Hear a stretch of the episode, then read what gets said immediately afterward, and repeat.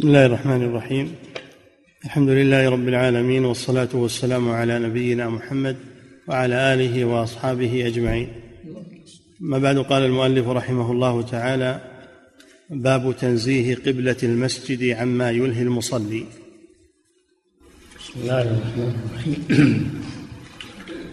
الحمد لله رب العالمين صلى الله وسلم على نبينا محمد.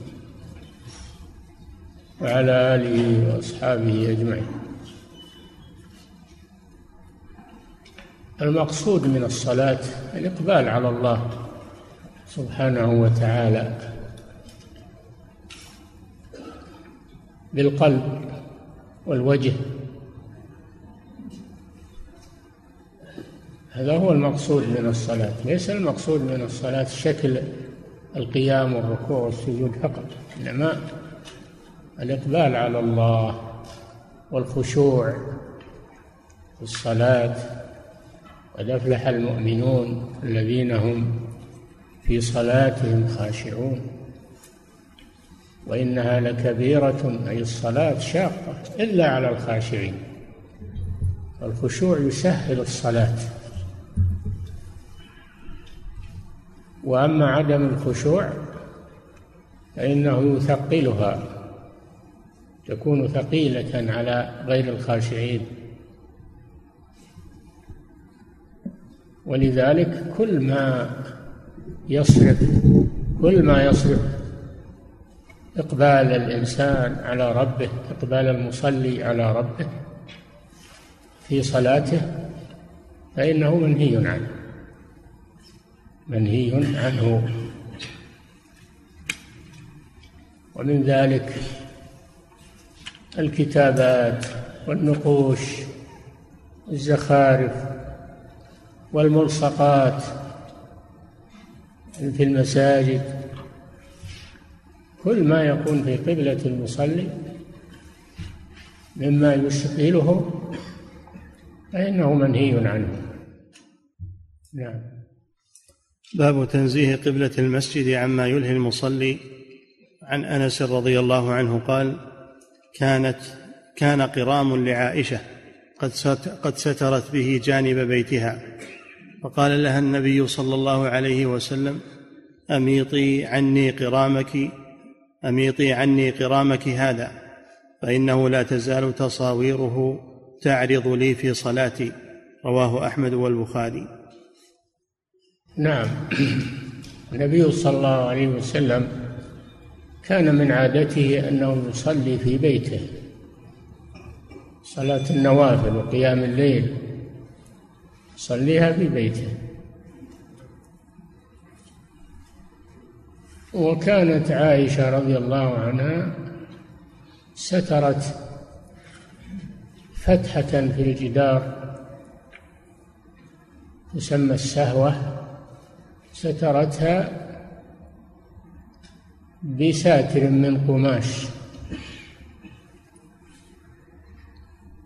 وهذه وهذا الساتر فيه نقوش وتصاوير. النبي صلى الله عليه وسلم أمرها أن تميطه أي أن تزيله عن قبلة النبي صلى الله عليه وسلم في صلاته لئلا تشغله. فقال أميطي عنا أي أزيليه أزيلي قرامك هذا فإنه ما زالت تعرض تصاويره لي في صلاتي. دل هذا على أنه يزال كل ما أمام المصلي إذا أمكن. وإذا لم يمكن فإنه لا يصلي. يكره أن يصلي إلى ما يشغله. نعم. وعن عثمان بن طلحة رضي الله عنه أن النبي صلى الله عليه وسلم دعاه بعد دخوله الكعبة فقال إني كنت رأيت قرني الكبش حين دخلت البيت. فنسيت أن آمرك أن تخمرهما فخمرهما فإنه لا ينبغي أن يكون في قبلة البيت شيء يلهي المصلي رواه أحمد وأبو داود. النبي صلى الله عليه وسلم عام الفاتح كما سبق دخل الكعبة المشرفة وأزال ما فيها من إحداثات المشركين. من الصور ومن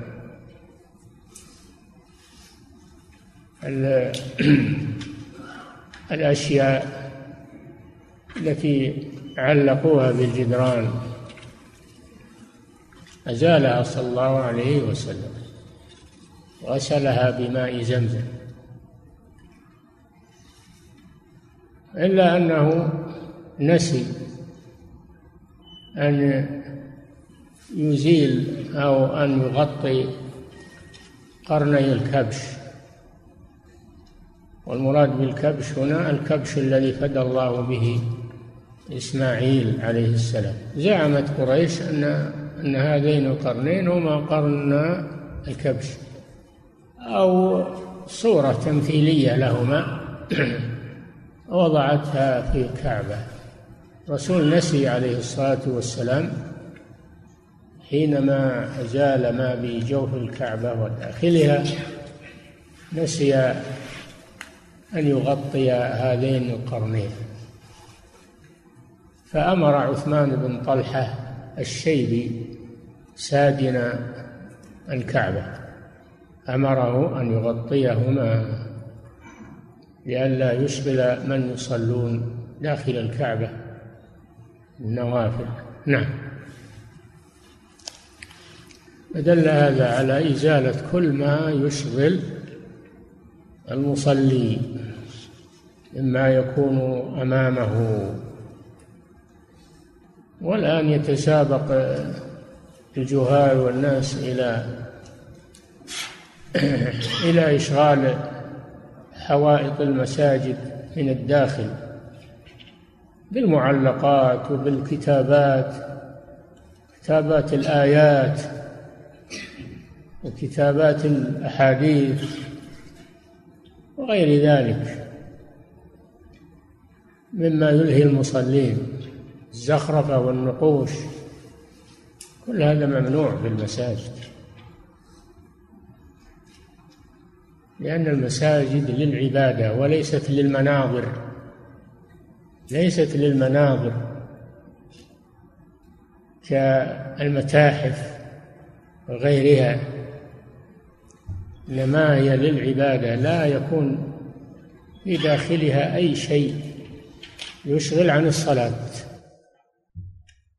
نعم. باب لا يخرج من المسجد. حتى إن بعضهم يكتب لفظ الجلالة في القبلة. وأسوأ من ذلك أنه يكتب أيضا اسم محمد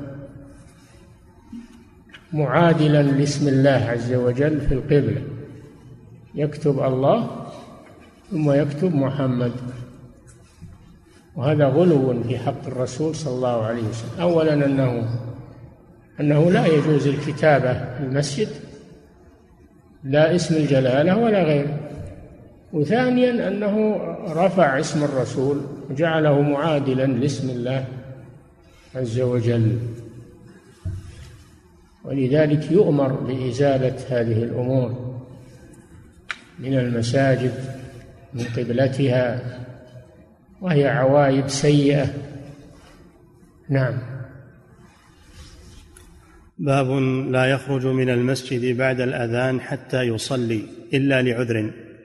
نعم من آداب المساجد أنه إذا أذن المؤذن والإنسان في المسجد فلا يخرج حتى يصلي. إلا لعذر إذا كان يتوضأ يحتاج إلى الوضوء أو ذكر حاجة سريعة يذهب إليها ثم يعود قريبا إذا كان الخروج لعذر فلا بأس. أو أنه على ارتباط في مسجد آخر إما بإمامة أو أو بأذان أو على موعد مع شخص في هذا المسجد أو ليحضر درسا يقام في المسجد الذي يذهب إليه إذا كان لعذر فلا بأس. أما أن يخرج من غير عذر فلا يجوز لأن هذا فيه تشبه بالشيطان الذي إذا سمع الندى فر. إذا الشيطان إذا سمع الندى أدبر. فلا يتشبه الإنسان به. نعم. باب لا يخرج من المسجد بعد الأذان حتى يصلي إلا لعذر. عن أبي هريرة رضي الله عنه قال أمرنا رسول الله صلى الله عليه وسلم إذا كنتم في المسجد فنودي بالصلاة فلا يخرج أحدكم حتى يصلي. رواه أحمد. وعن لا يخرج. فلا من الرسول صلى الله عليه وسلم. إذا أذن فلا يخرج حتى يصلي حتى يؤدي الصلاة التي نودي لها. فهذا يدل على النهي عن الخروج من غير عذر بعد الأذان. نعم. وعن أبي الشعثاء قال خرج رجل من المسجد بعدما أذن فيه فقال أبو هريرة أما هذا فقد عصى أبا القاسم صلى الله عليه وسلم. رواه الجماعة إلا البخاري. خرج رجل من المسجد بعد النداء فقال أبو هريرة رضي الله عنه أما هذا فقد عصى أبا القاسم يعني محمد صلى الله عليه وسلم لأن كنيته أبو القاسم عليه الصلاة والسلام. أما هذا فقد عصى أبا القاسم صلى الله عليه وسلم فدل على أنه لا يجوز الخروج من المسجد بعد الأذان وأنه معصية للرسول صلى الله عليه وسلم. دل على وجوب البيان وإنكار المنكر وأن لا يسكت الإنسان ولا يبين للناس لأن أبا هريرة رضي الله عنه بين هذا البيان. نعم. أبواب استقبال القبلة. نعم. انتهى من أحكام المساجد. شرع في شروط الصلاة. شروط الصلاة. أولها استقبال القبلة. استقبال القبلة للصلاة. فهو شرط لصحة الصلاة مع الاستطاعة إلا ما استثني من العجز إذا عجز عن استقبال القبلة أو في حالة الخوف في حالة صلاة الخوف. أو كان هذا في النافلة في التطوع في السفر. تطوع في السفر. إذا كان راكبا ويسير في الطريق في الليل فإنه يتهجد وهو على راحلته أينما توجهت به. أينما توجهت به لفعله صلى الله عليه وسلم كما يأتي. هذه الأحوال الثلاث لا يشترط استقبال القبلة. إذا كان عاجزا عن ذلك من مصلوب أو مريض لا يستطيع. أو في حالة شدة الخوف حالة الخوف صلاة الخوف. في صلاة الخوف. والحالة الثالثة النافلة على الراحلة في السفر. نعم. أبواب استقبال القبلة باب وجوبه للصلاة. نعم. عن أبي هريرة رضي الله عنه في حديث يأتي ذكره قال النبي صلى الله عليه وسلم فإذا قمت إلى الصلاة فأسبغ الوضوء ثم استقبل القبلة فكبر. النبي صلى الله عليه وسلم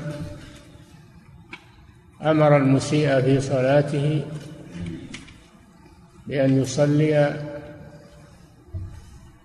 الصلاة التامة بأركانها وواجباتها وشروطها كما يأتي في حديث المسيء في صلاته. من جملة ذلك أنه قال له إذا قمت إلى الصلاة فأسبغ الوضوء. لأن الصلاة لا تصح إلا بوضوء. من شروط صحة الصلاة طهارة من الحدثين الأكبر والأصغر. ولا يكفي أن الإنسان يستعمل الماء ولا يدري هل بلغ الأعضاء واستكملها أو لا بل لا بد أن يسبغ والإسباغ معناه الإتمام. قال ثوب سابغ ودرع سابغ يعني ضافي على الجسم. كذلك الوضوء يجب أن يكون ضافيا على العضو. لا يبقى منه شيء لم يصل إليه الماء. هذا معنى إسباغ الوضوء. إذا قمت إلى الصلاة فأسبغ الوضوء والوضوء نعم ثم استقبل القبلة. ثم استقبل القبلة. وهذا شرط من شروط صحة الصلاة. لقوله سبحانه وتعالى فول وجهك شطر المسجد الحرام. فول وجهك شطر المسجد الحرام. وحيثما كنتم فولوا وجوهكم شطره. النبي صلى الله عليه وسلم وأصحابه أول ما فرضت عليهم الصلاة في مكة كانوا يصلون إلى بيت المقدس القبلة الأولى. إلى بيت المقدس وهي القبلة الأولى. لكنه كان يجعل في مكة يجعل الكعبة بينه وبين الشام فيصلي. ثم لما هاجر إلى المدينة استمر على استقبال بيت المقدس. وكان يحب أن أن يستقبل الكعبة لأنها قبلة إبراهيم عليه السلام. والبيت المقدس قبلة الأنبياء قبلة الأنبياء من بعد إبراهيم عليهم الصلاة والسلام. والله بعث محمدا صلى الله عليه وسلم بملة إبراهيم. فكان صلى الله عليه وسلم يحب أن يستقبل الكعبة ولكنه لا يفعل شيئا لم يؤمر به. لا يفعل عليه الصلاة والسلام شيئا إلا بأمر الله. وإن كان يحب هذا الشيء فهو استمر على ما كان عليه الحال مع محبته أن يحول الله القبلة إلى الكعبة. فالله حق قرابته فأمره باستقبال الكعبة. قال جل وعلا قد نرى تقلب وجهك في السماء فلنولينك قبلة ترضاها فول وجهك شطر المسجد الحرام وحيثما كنتم فولوا وجوهكم شطره وإن الذين أوتوا الكتاب لا يعلمون اليهود والنصارى لا يعلمون أنه الحق أي استقبال الكعبة أنه الحق. يجدون هذا في كتبهم التوراة والإنجيل في وصف الرسول صلى الله عليه وسلم أن قبلته الكعبة قبلة إبراهيم عليه السلام. لكنهم يجحدونه لكنهم يجحدونه. والله جل وعلا حق قرابة رسوله صلى الله عليه وسلم. وإن الذين أوتوا الكتاب ليعلمون أنه الحق من ربهم. فهم يعلمون هذا ولكنهم ينكرونه. حسدا للرسول صلى الله عليه وسلم. ف الله جل وعلا أمره بذلك. ف فتحققت رغبة الرسول صلى الله عليه وسلم. نعم. وعن ابن عمر رضي الله عنهما قال بينما الناس بقباء في صلاة الصبح إذ جاءهم آت فقال إن النبي صلى الله عليه وسلم قد أنزل عليه الليلة قرآن وقد أمر أن يستقبل القبلة فاستقبلوها وكانت فاستقبلوها. نعم. وقد أمر أن يستقبل القبلة فاستقبلوها. نعم. وكانت وجوههم إلى الشام فاستداروا إلى الكعبة متفق عليه. نعم. كما ذكرنا كانوا يصلون إلى بيت المقدس. ومن ذلك أهل قباء مسجد قباء. كانوا يصلون إلى بيت المقدس. فجاءهم رجل يعني بناء على الأصل فجاءهم رجل من الصحابة فأخبرهم أنها حولت القبلة إلى الكعبة وهم في الصلاة فاستداروا فاستداروا إلى الكعبة. أول صلاتهم كانوا يصلون إلى بيت المقدس بقاء على الأصل.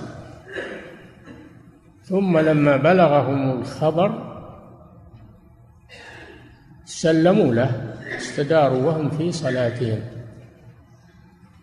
فصلوا إلى الكعبة بقية الصلاة. فهذا الحديث فيه فوائد عظيمة. أولا أنه يجب التسليم لأمر الله ورسوله.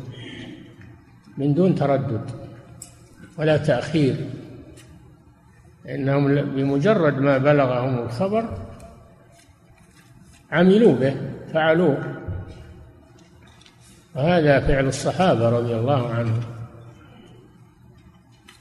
لأن العبد مأمور يمتثل الأمر ولا يعترض ولا يتردد أو يتلكأ أو يسأل لماذا لماذا. سلم الأمر لله عز وجل. هذه مسألة. المسألة الثانية فيه العمل بخبر الواحد. لأن الذي أخبرهم واحد فعملوا به. فيه العمل بخبر الواحد وأنه حجة. وهذه مسألة أصولية. لأن فيه من علماء الكلام والمنطق من لا يعمل بخبر الواحد. ويقول إنه يفيد الظن. يفيد الظن خلاف المتواتر فإنه يفيد اليقين عندهم. والحق أن الخبر إذا صح عن الرسول صلى الله عليه وسلم فإنه يفيد العلم واليقين سواء كان متواترا أو آحادا. لا فرق سواء كان في العقائد أو في غيرها. ولذلك نفوا كثيرا من الصفات الإلهية لأنها جاءت بخبر آحاد لم تأتي متواترة.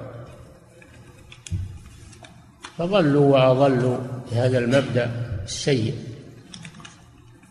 هذا فيه العمل بخبر الواحد المسألة الثالثة أن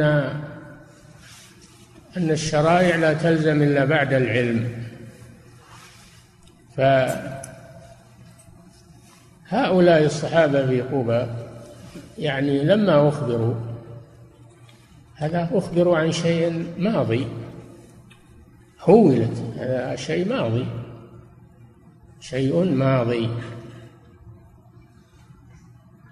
وهم يصلون إلى بيت المقدس. فاستقبلوا الكعبة في آخر الصلاة وبنوا على صلاتهم في الأولى. بنوا على صلاة أول صلاتهم بنوا عليه ولم يعيدوا الصلاة لأنه لم يبلغهم الخبر والتحويل.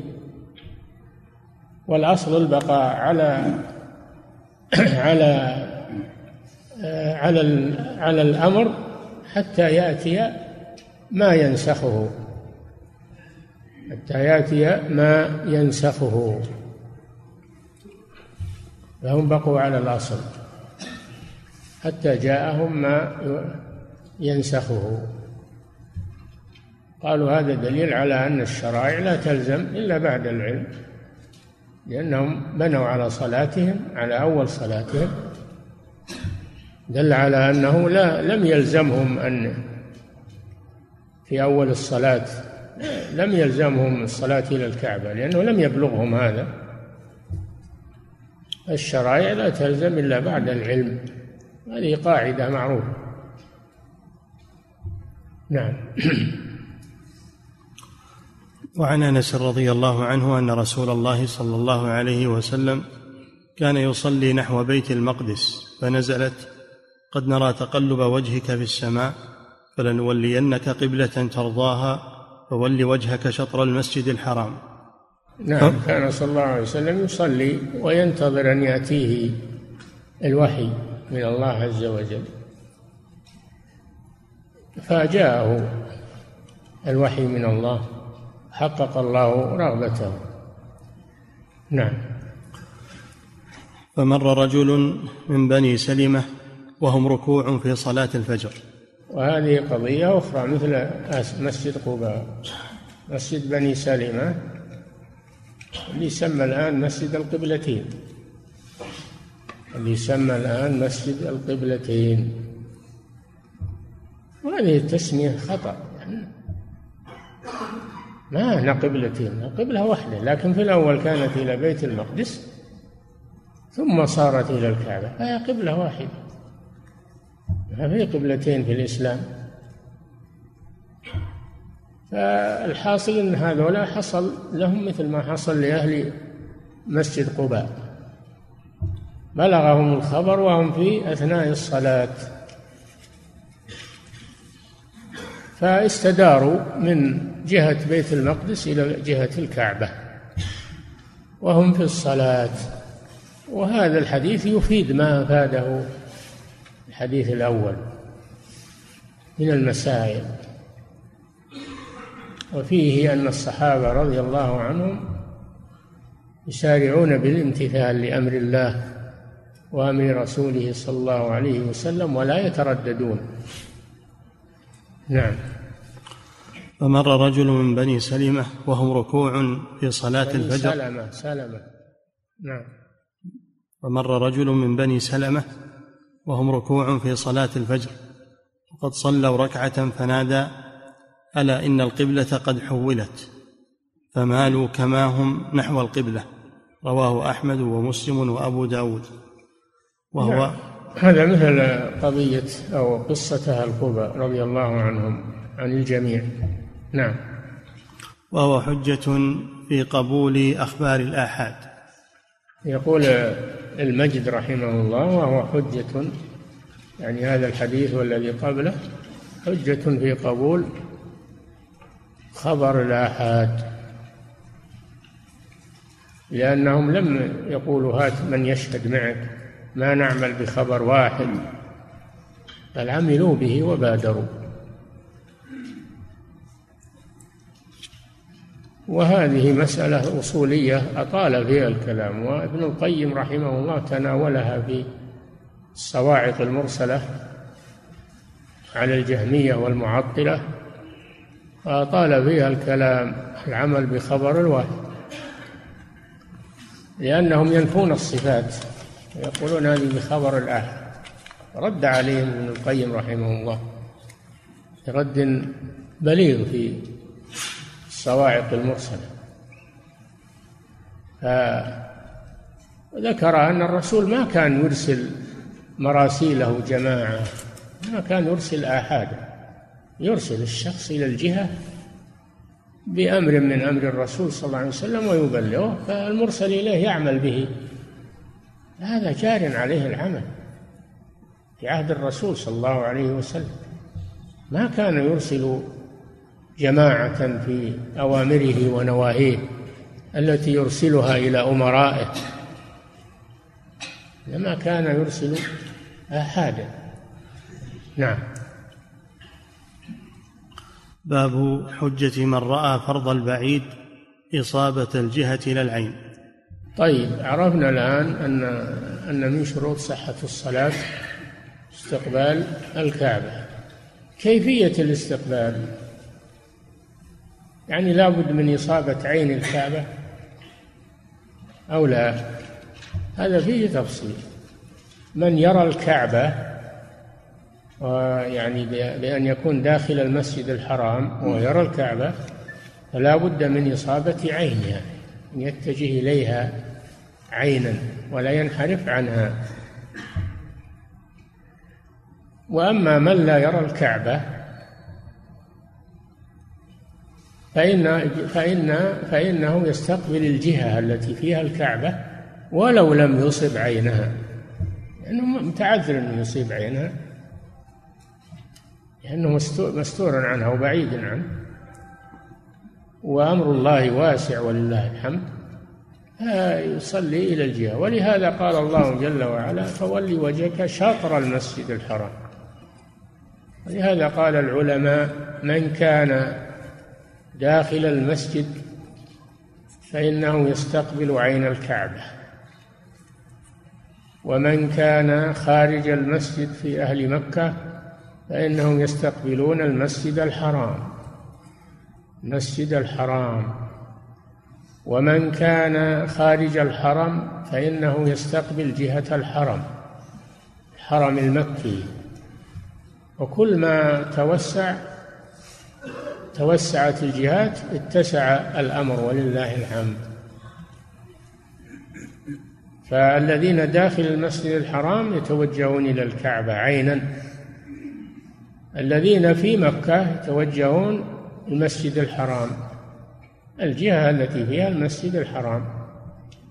من كان بعيدا فإنه يستقبل الحرم حدود الحرم كلها كل الحرم قبل ولي وجهك شطر المسجد الحرام. وحيثما كنتم فولوا وجوهكم شطره. فالأمر ولله الحمد ميسر. وما جعل عليكم في الدين من حرج. وسيأتي أيضا مزيد لهذا. نعم. باب حجة من رأى فرض البعيد إصابة الجهة إلى العين. باب. باب حجة من رأى فرض البعيد إصابة الجهة للعين. إصابة الجهة التي فيها الكعبة. وإن لم يصب عينها يكفي أنه يستقبل الجهة التي فيها الكعبة. نعم. عن أبي هريرة رضي الله عنه أن النبي صلى الله عليه وسلم قال ما بين المشرق والمغرب قبلة رواه ابن ماجه والترمذي وصححه. ما بين المشرق والمغرب قبلة هذا بالنسبة لأهل المدينة ومن كان على سمتهم. فإن قبلته ما بين المشرق والمغرب. وهو الجهة التي فيها الكعبة وكذلك بقية الجهات من كان شرق الكعبة فما بين الشمال إلى الجنوب قبلة. ما بين الشمال إلى الجنوب هذا قبلته. وكذلك من كان بالغرب ما بين الشمال إلى الجنوب. الأمر واسع ولله الحمد. الآن ظهرت البوصلات ما أدري يسمونها الإحداثات. هذا ليس بلازم يعني إن استعملناها حددنا بها فلا بأس وإن لم نستعملها فليس بلازم يعني هذا من التكلف. نعم.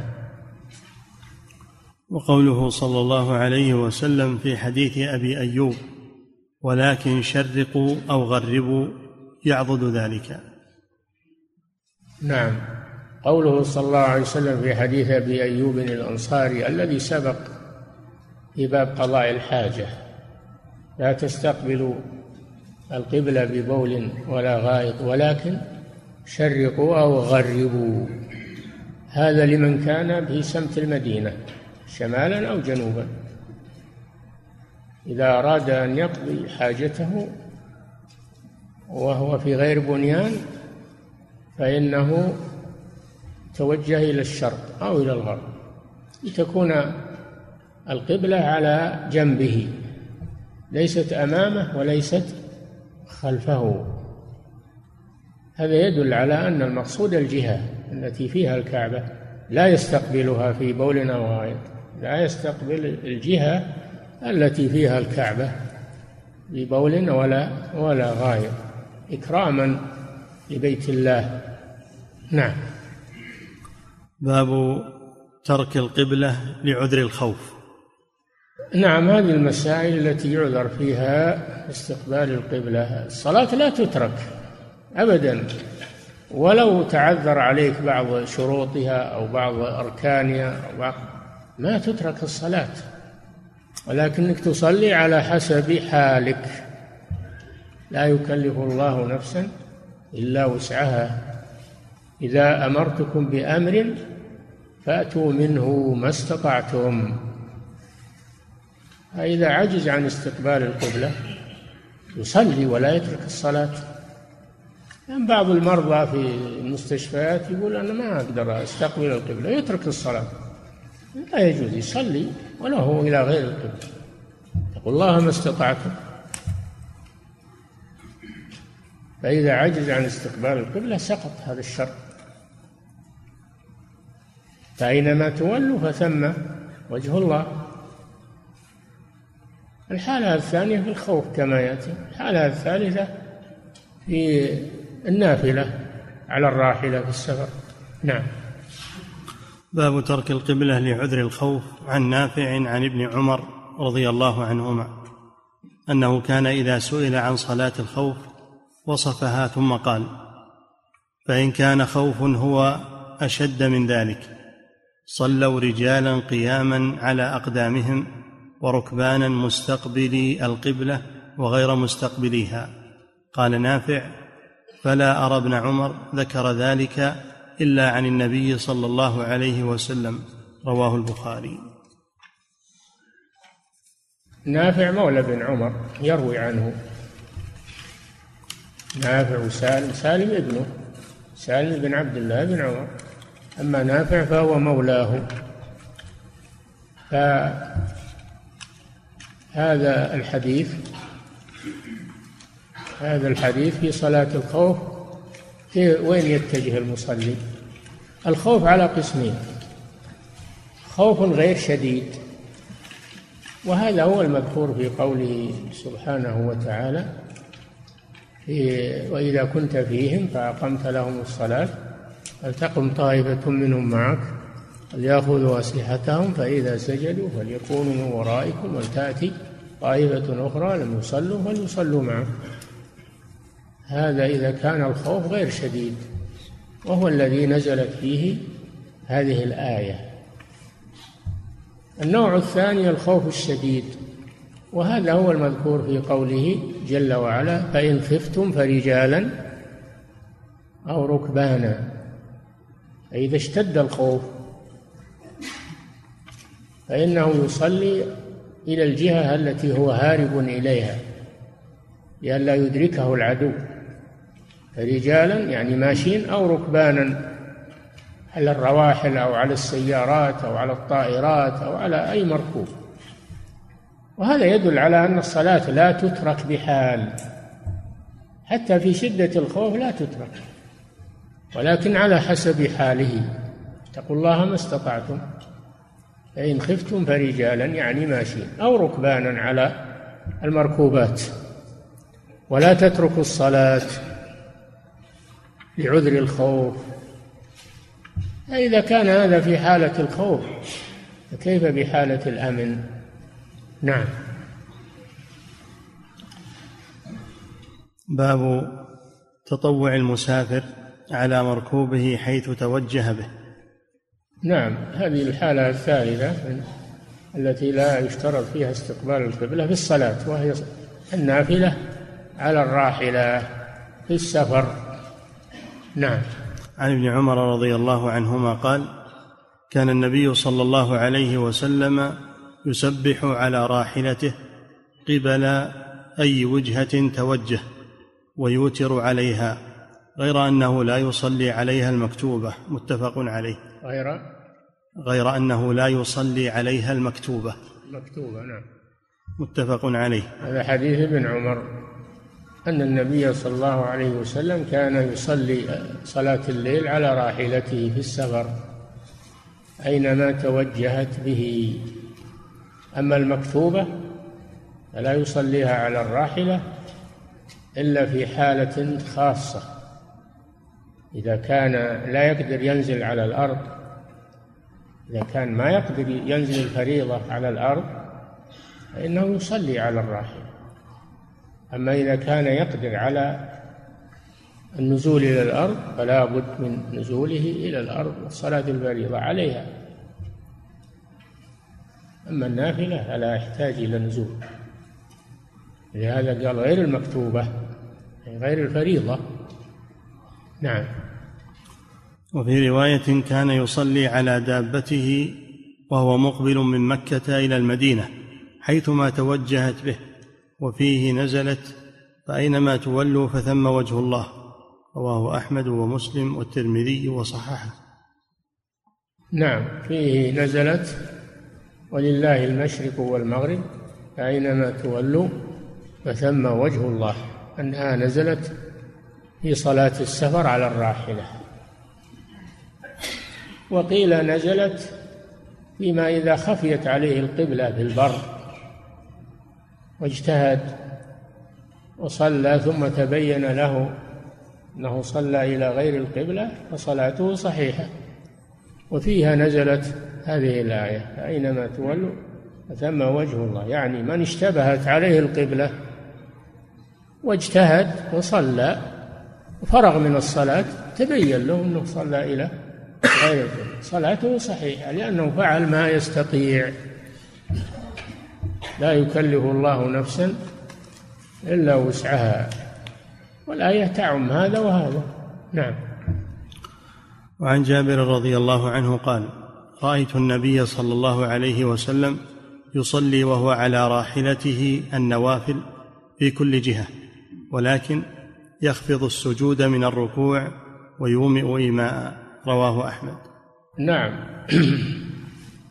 هذه بيان صفة الصلاة على الراحلة النافلة.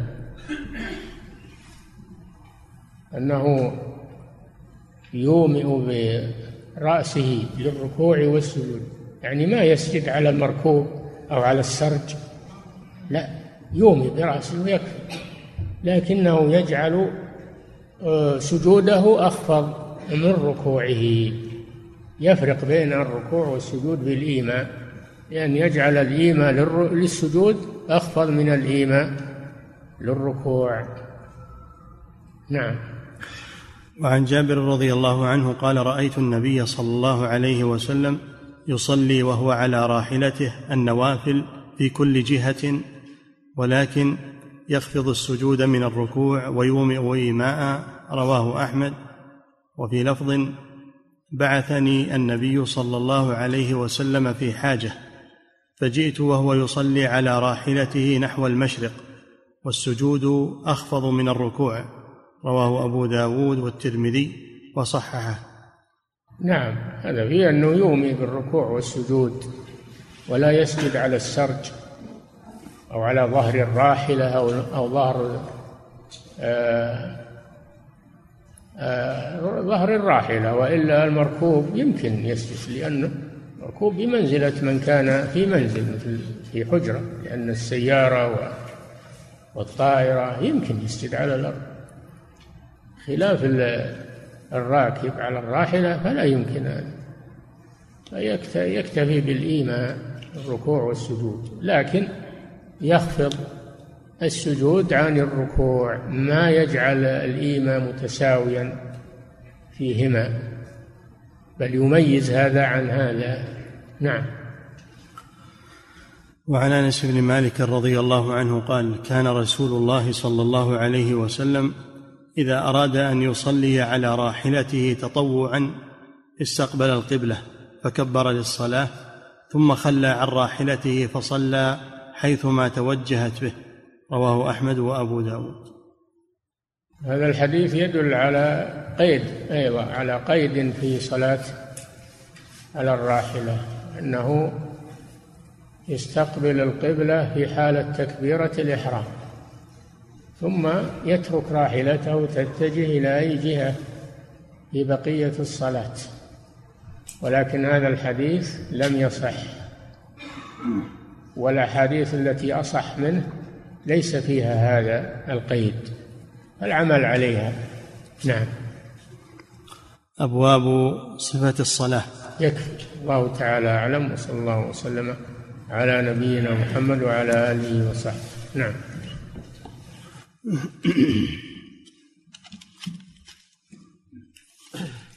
فضيلة الشيخ وفقكم الله يقول وضع الساعات الكبيرة التي فيها أوقات للصلاة في قبلة المصلي. هل مثل هذا يمنع من وضعه أمام قبلة المصلي ويدخل في النهي؟ ما في شك أنه من جملة الكتابات اللي تشغل المصلي. وربما إنه يناظره يبي السرعة يشوف كم بلغت الساعة وأنه طال عليه الوقت وما أشبه ذلك. آه، يشغل ذلك يجعل عن خلف المصلين أو عن عن يمينهم أو شمالهم. نعم. فضيلة الشيخ وفقكم الله. يقول ما حكم تصوير الإمام وهو يصلي بالناس صلاة الفريضة أو صلاة التراويح بحجة جمال صوته لكي ينقل ذلك عبر القنوات الفضائية؟ هل هذا جائز؟ مسألة مشكلة ولكن إذا كان نقلا مجردا الأمر أخف. النقل المجرد لصلاة الحرمين و... هذا أخف. وإلا كله نوع من التصوير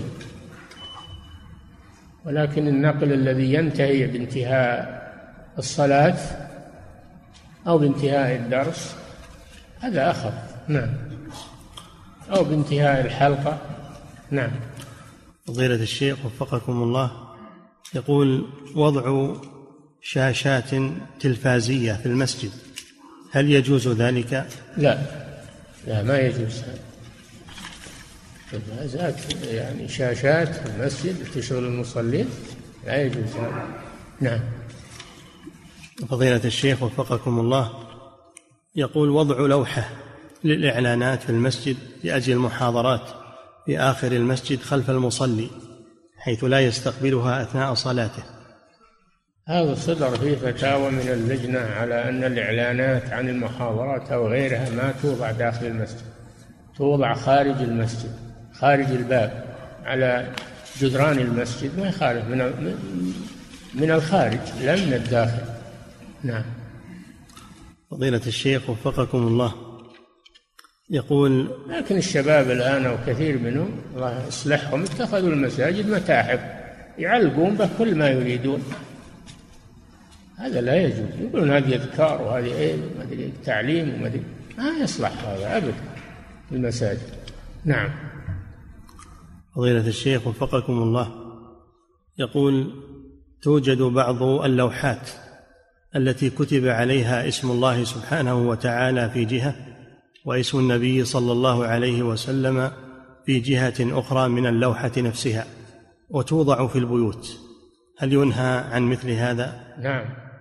ينهى عن مثل هذا لأنه غلو في الرسول صلى الله عليه وسلم وأنه معادل لاسم الله اسم الرسول معادل لاسم الله. هذا غلو في الرسول صلى الله عليه وسلم. نعم. فضيلة الشيخ وفقكم الله يقول بعض العلماء يحتج بحديث فمالوا كما هم نحو القبلة. يقول بعض العلماء يحتج بالحديث الوارد عن الصحابة لما بلغهم الخبر أنهم مالوا كما هم نحو القبلة. يستدل بذلك على أن كل حركة غير حركة الصلاة التي تتم الصلاة بها فهي مندوبة كحركه فهي مندوبة. يقول مثل حركة الصحابة نحو القبلة فهل يشمل عمل الصلاة؟ ما في بأس. من عمل الصلاة الصلاة كلها حركة.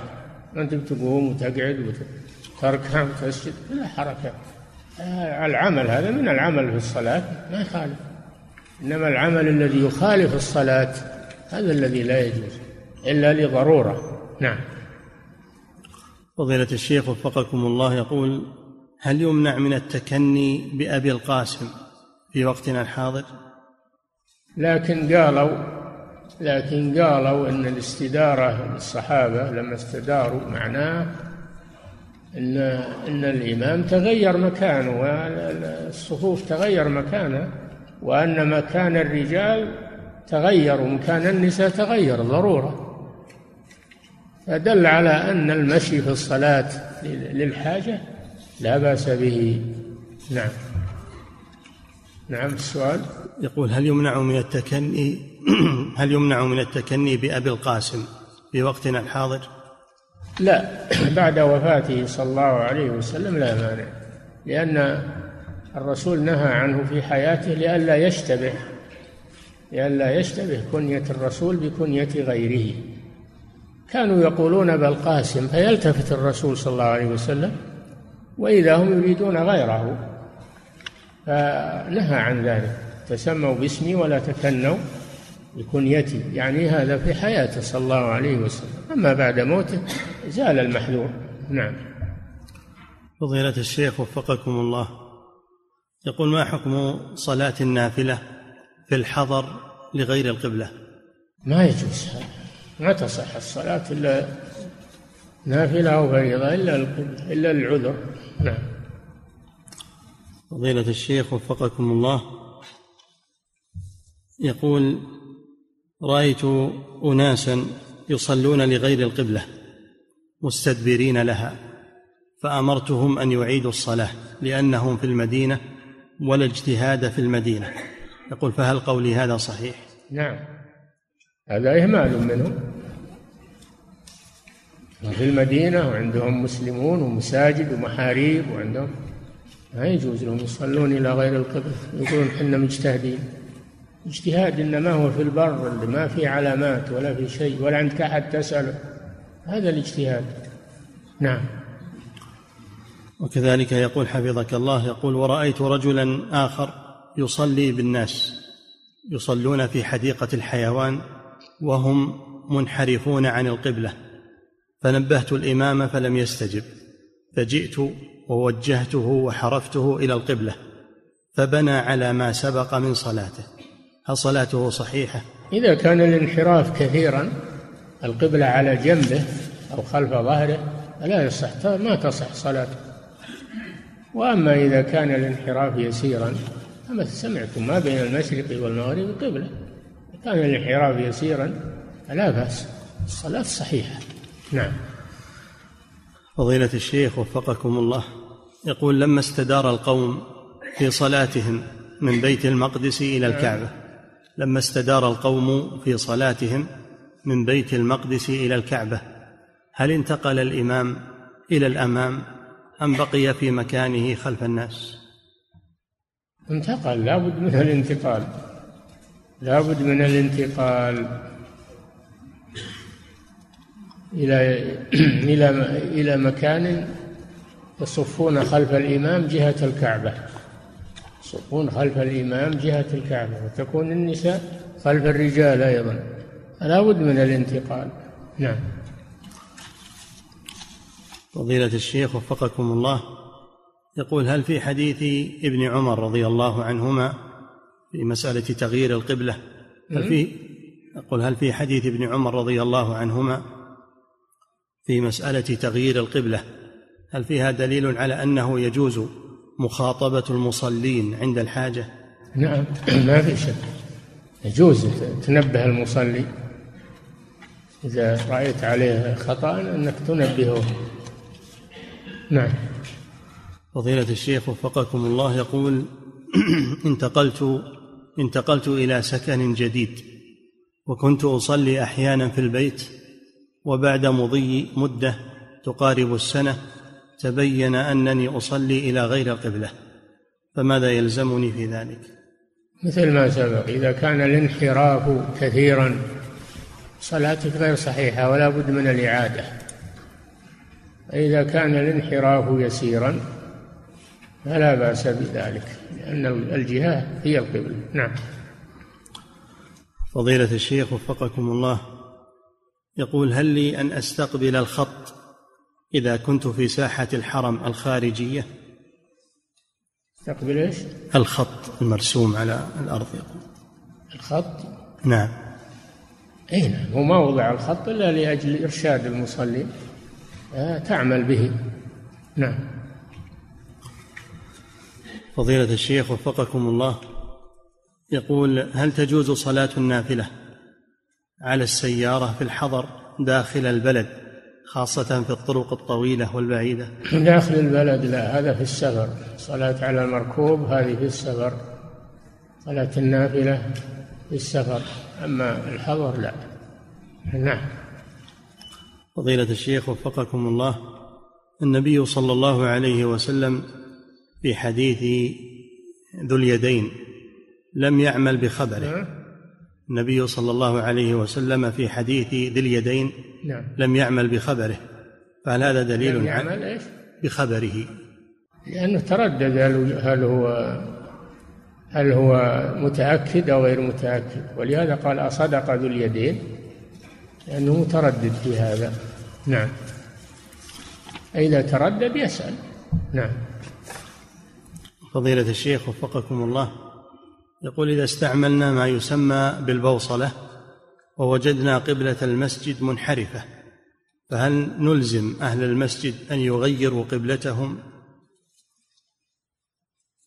هذا صدر فيه فتوى أو قرار من هيئة كبار العلماء أن المساجد القديمة إذا كان الانحراف كثيرا فلا بد من تغييرها. أما إذا كان الانحراف يسيرا فلا بأس بذلك لكن إذا أعيد بنائها تعدل. نعم. فضيلة الشيخ وفقكم الله يقول هل يجوز أن يخرج الرجل من المسجد بعد الأذان لحاجة خاصة جدا وهو لا ينوي الصلاة في مكان آخر؟ إذا كان لحاجة وتفوت عليه الحاجة وهي يسيرة يخرج لا بأس يقضيها ويرجع. نعم. فضيلة الشيخ وفقكم الله يقول هل هناك درجة معينة في الانحراف عن القبلة تكون مؤثرة في الاستقبال؟ إذا كانت القبلة إلى ظهره أو على جنبه فهذا لا تصح صلاته. أما إذا كان الانحراف لا تكون القبلة إلى جنبه ولا إلى ظهره فلا بأس بين المشرق والمغرب. بين الشمال والجنوب. خالف نعم. فضيلة الشيخ وفقكم الله. يقول هل الأفضل في حال المريض إذا استطاع أن يشير برأسه فقط إلى القبلة ويصلي إذا كان يستطيع ذلك أم أن الأفضل أن يصلي على حاله؟ وهل إيش؟ هل الأفضل في حال المريض إذا استطاع أن يشير برأسه فقط إلى القبلة ويصلي.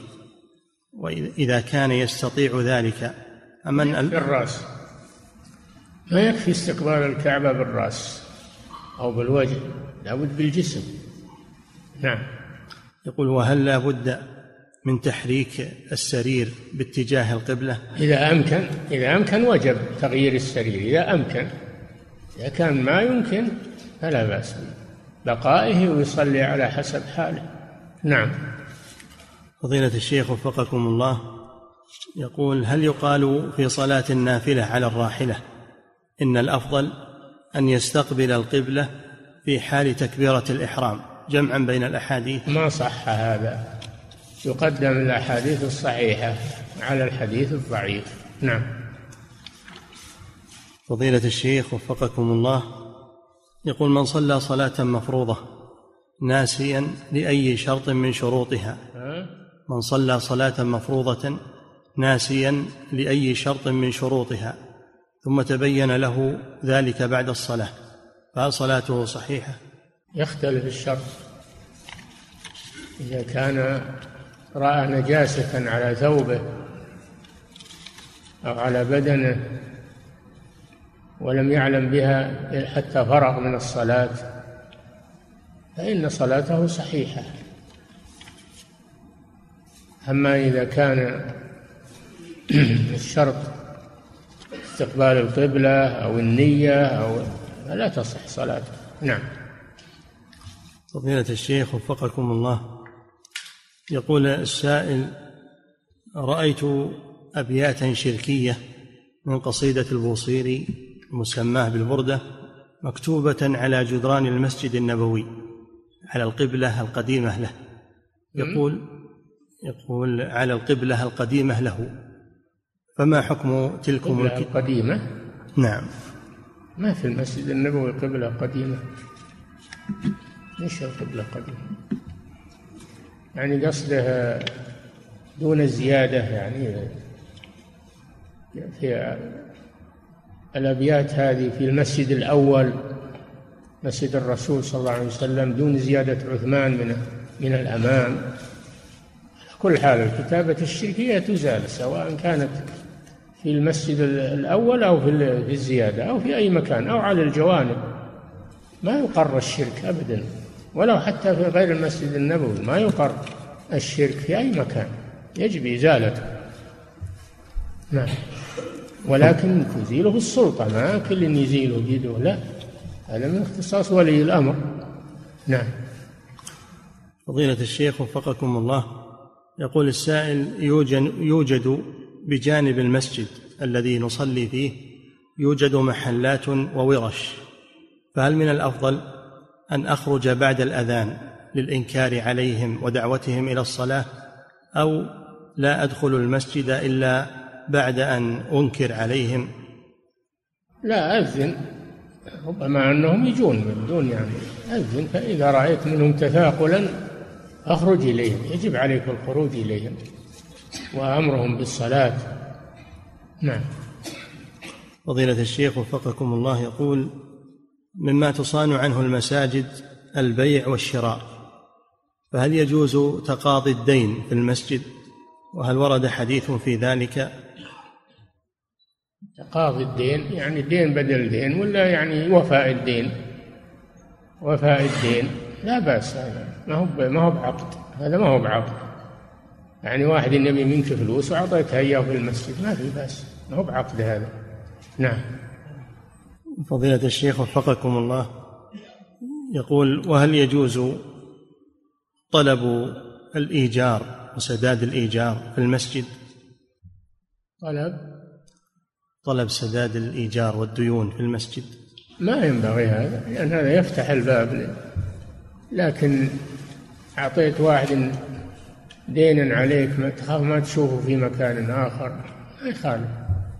أما إنك تطالب الناس في المسجد تلاج أنت وياهم ما يصلح هذا. نعم. فضيلة الشيخ وفقكم الله. يقول أشكل علي الجمع بين ما ورد من أن النبي صلى الله عليه وسلم كان لا يخرج إلى كان لا يخرج إلى الصلاة إلا وقت الإقامة. وبينما ورد عن عائشة رضي الله عنها أن النبي صلى الله عليه وسلم كان إذا سمع حي على الصلاة قام كأنه لا يعرفنا أو لا يعرف منا أحد. يعني الإقامة حي على الصلاة في الإقامة. هي ما فيها حي على الصلاة؟ ها؟ الإقامة ما فيها حي على الصلاة؟ ها؟ بلى. إيه إذا سمع حي على الصلاة في الإقامة خرج عليه الصلاة والسلام. نعم. فضيلة الشيخ وفقكم الله يقول كيف الجمع بين قوله سبحانه وتعالى وما ينطق عن الهوى وهذا القول وهو قد يجتهد النبي صلى الله عليه وسلم في بعض الأمور فإن أقرها الله سبحانه أصبحت حكما شرعيا وإن لم يقرها وإن لم يقرها الله رفع رفع الحكم كقصة الأعمى في سورة عبس وما ورد في سورة التحريم كيف إيش؟ كيف نجمع بين قوله تعالى وما ينطق عن الهوى إن هو إلا وحي يوحى وبين ما ورد من أنه وما ذكره العلماء من أنه قد يجتهد النبي صلى الله عليه وسلم في بعض الأمور فإن أقرها الله أصبحت حكما شرعيا وإن لم يقرها الله رفع الحكم كقصة الأعمى في سورة عبسة وقصة سورة التحريم يا أيها النبي لم تحرم ما أحل الله لك؟ هذه أفعال ما هي ما هي بأقوال وما ينطق عن الهوى هذا نطق. لكن الفعل غير النطق. الرسول قد يفعل شيء في اجتهاده يصوبه الله عز وجل أو إذا كان أو إذا كان الله جل وعلا لم يقره ينبه الرسول عليه. نعم. فضيلة الشيخ وفقكم الله يقول مطار الملك خالد الدولي هل يجوز القصر والجمع فيه؟ وهل يعد خارج البنيان؟ مطار الملك خالد وغيره. ينظر هل هل هو داخل المباني مباني البلد؟ فلا يقصر فيه. أو هو خارج مباني البلد؟ فيقصر فيه. كلام على على وقوعه داخل أو خارج. نعم. فضيلة الشيخ وفقكم الله يقول السائل أنا أنا لا أعمل. فقام أحد الإخوان بعرض مبلغ من المال علي. فهل يجوز لي أن آخذه وأشتري به عطور وأقوم ببيعها؟ اشتري به؟ عطور. وأقوم ببيعها. هو أعطاك إياه منحة ولا أعطاك إياه مضاربة؟ تبيع به وتشتري به. كله جايز. إذا أعطاك منحة وساعدك جزاه الله خيرا تصرف فيها أنت لمصالحك أما إن كان أعطاك إياها مضاربة تبيع به وتشتري بجزء من الربح أو أعطاك إياها قرضا أقرضك قرضا تبيع به وتشتري؟ هذا لا بأس به. هذا من الإحسان. نعم. فضيلة الشيخ وفقكم الله. يقول السائل يوجد لدينا مسجد ليس فيه مصلى للنساء فقمنا ببناء مصلى لهن في ساحة المسجد الخلفية ثم لم نجد مكان لم نجد مكانا لحمامات النساء أكرمكم الله. حيث يصعب وضعها خارج المسجد فقمنا بإصلاح حمام لهن داخل المنارة علما أن هذه المنارة داخل سور المسجد. هل فعلنا هذا صحيح؟ لا بأس بذلك. إذا كانت منفصلة عن المسجد بجدار وأبواب في بأس. نعم. فضيلة الشيخ وفقكم الله يقول بعد الرفع من الركوع وأثناء الاعتدال هل نضع اليدين على الصدر أم نرسلها بدون وضعهما؟ الصدر مر بكم ولا ما توضع على الصدر اما تحت السرة ولا تحت الصدر تحت الصدر. والمسألة بعد الركوع خلافية بين العلماء. فمن فعل رفع يديه على تحت سرته أو تحت صدره فلا بأس ومن أرسلها فلا بأس. نعم أمر واسع في هذا. نعم. فضيلة الشيخ وفقكم الله يقول أقوم بصيام الاثنين والخميس ثم لا أجد نشاطا في العمل كسائر الأيام مما يغضب صاحب العمل مني. هل علي أن أترك صوم الصوم في هذين اليومين؟ نعم إذا صرت مستأجر والصوم التطوع صوم التطوع يؤثر على العمل فلا يجوز لك تصوم. إذا صرت مستأجر لعمل وصوم الاثنين والخميس والتطوع يؤثر على العمل ينقص العمل فلا تصوم لا يجوز لك هذا. نعم. فضيلة الشيخ وفقكم الله. يقول ما معنى ما يذكر من كلمة مدد؟ في قول القائل مدد يا رسول الله. ما المراد بذلك؟ إيش؟ يقول ما المراد بكلمة مدد التي تذكر في قولهم مدد يا رسول الله؟ المدد يعني استعانة يستعينون بالرسول يعطيهم يعطيهم ويساعدهم هذا في يوم أن كان حيا لا بأس به أما بعد موته. فلا يطلب المدد من الميت لا الرسول ولا غيره لأنه لا يقدر عليه. نعم. فضيلة الشيخ وفقكم الله. يقول إذا قلت اللهم صل عليك يا رسول الله أنكر علي أحد الإخوان وقال لا تقل يا رسول الله فهل هذا الإنكار صحيح؟ ما يظهر لي إنه صحيح. لا ما في بأس تقول اللهم صل وسلم عليك يا رسول الله أو صلى الله عليك يا رسول الله ما في بأس. لأن هذا من استحضاره صلى الله عليه وسلم. مثل في التشهد السلام عليك أيها النبي. رحمة هذا خطاب للنبي إنما هو استحضار وليس هو مناداة له. نعم. فضيلة الشيخ وفقكم الله. يقول السائل عندي في حسابي مئة ألف ريال. عندي في حسابي مئة ألف ريال. وفي الوقت نفسه اشتريت بيتا بالتقسيط.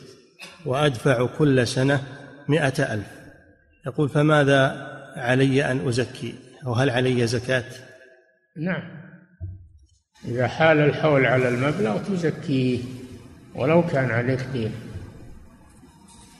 أما إن سددت قبل تمام الحول ولم يبقى معك نصاب فلا فليس عليك زكاة. نعم.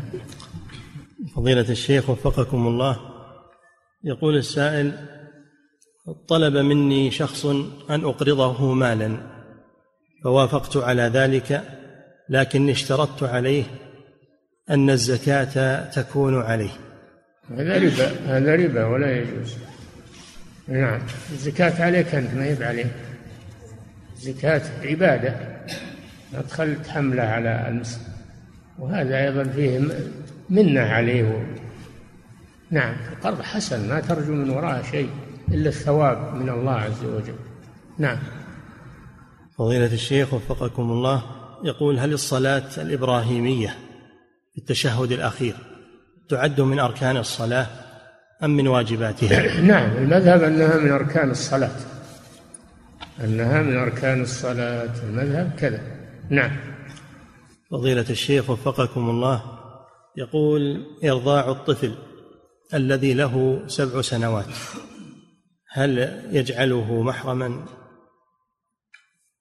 هو السؤال كان يعني الصلاة الإبراهيمية يعني بصيغتها وكاملها ليست من أركان الصلاة أنه لابد من لفظها لكن الصلاة على الرسول التشهد الأخير ركن من أركان الصلاة. وكونه في الصلاة الإبراهيمية أفضل ما في شك لأنه هو الوارد. نعم. فضيلة الشيخ وفقكم الله يقول إرضاع الطفل الذي يبلغ من العمر سبع سنوات هل يفيده المحرمية؟ إيش؟ إرضاع الطفل الذي يبلغ من العمر سبع سنوات. لا إرضاع الكبير ما يجوز والكبير هو الذي يتجاوز سنتين. ما ما, ما يفيد المحرمية.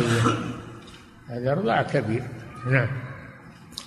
فضيلة الشيخ وفقكم الله يقول هل خبر المتأخر هل خبر متأخر الإسلام يكون ناسخا لخبر متقدم الإسلام بالنسبة لما يرد من الأحاديث؟ ما هو بينظر إلى إسلام المخبر أو الصحابي؟ ينظر إلى كلام الرسول كلام الله وكلام رسوله. نعم. فضيلة الشيخ وفقكم الله يقول رجل من خارج هذه البلاد جاء إلى جدة لأجل العمل وقال رجل من خارج هذه البلاد جاء إلى جدة للعمل وقال إن طالت إقامتي اعتمرت والآن قد طالت إقامته وهو يريد العمرة فمن أين يحرم؟ من جدة يحرم من جدة المكان الذي حزم على العمرة منه نعم. فضيلة الشيخ وفقكم الله. يقول السائل أحيانا نذهب إلى المقبرة بعد صلاة العصر للصلاة على الجنائز التي لم نتمكن أن نصلي عليها في المسجد فنجد قبورا حديثة قد دفنت الظهر. هل يشرع لنا أن نذهب إليها ونصلي عليها لكي ننال, لكي ننال الأجر؟ هذا من التكلف هذا من التكلف. ما دام صلي عليها ودفنت الحمد لله حصل المقصود. عليكم الدعاء لهم دعاء للأموات. يكفي هذا. نعم.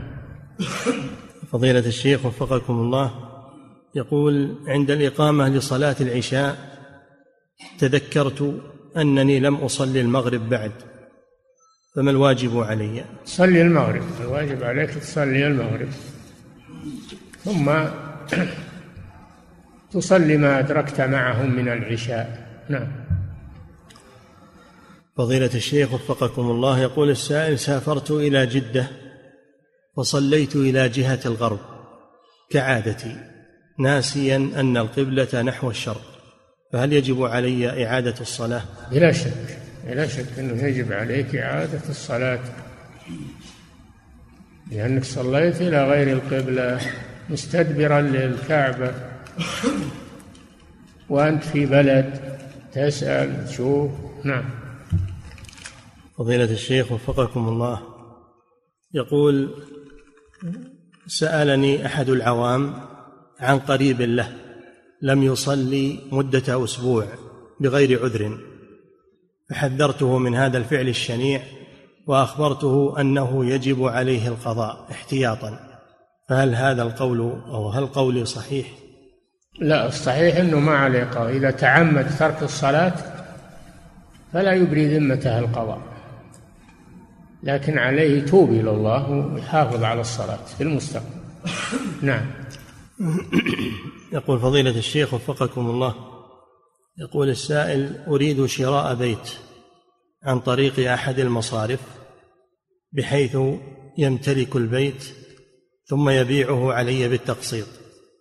ولكن أشكل علي أن هذا المصرف يوقع عقد مبايعة بينه وبين مالك البيت متضمنا خيار الشرط ولا يدفع الثمن ولا يفرغ الصك إلا بعد أن أوقع أنا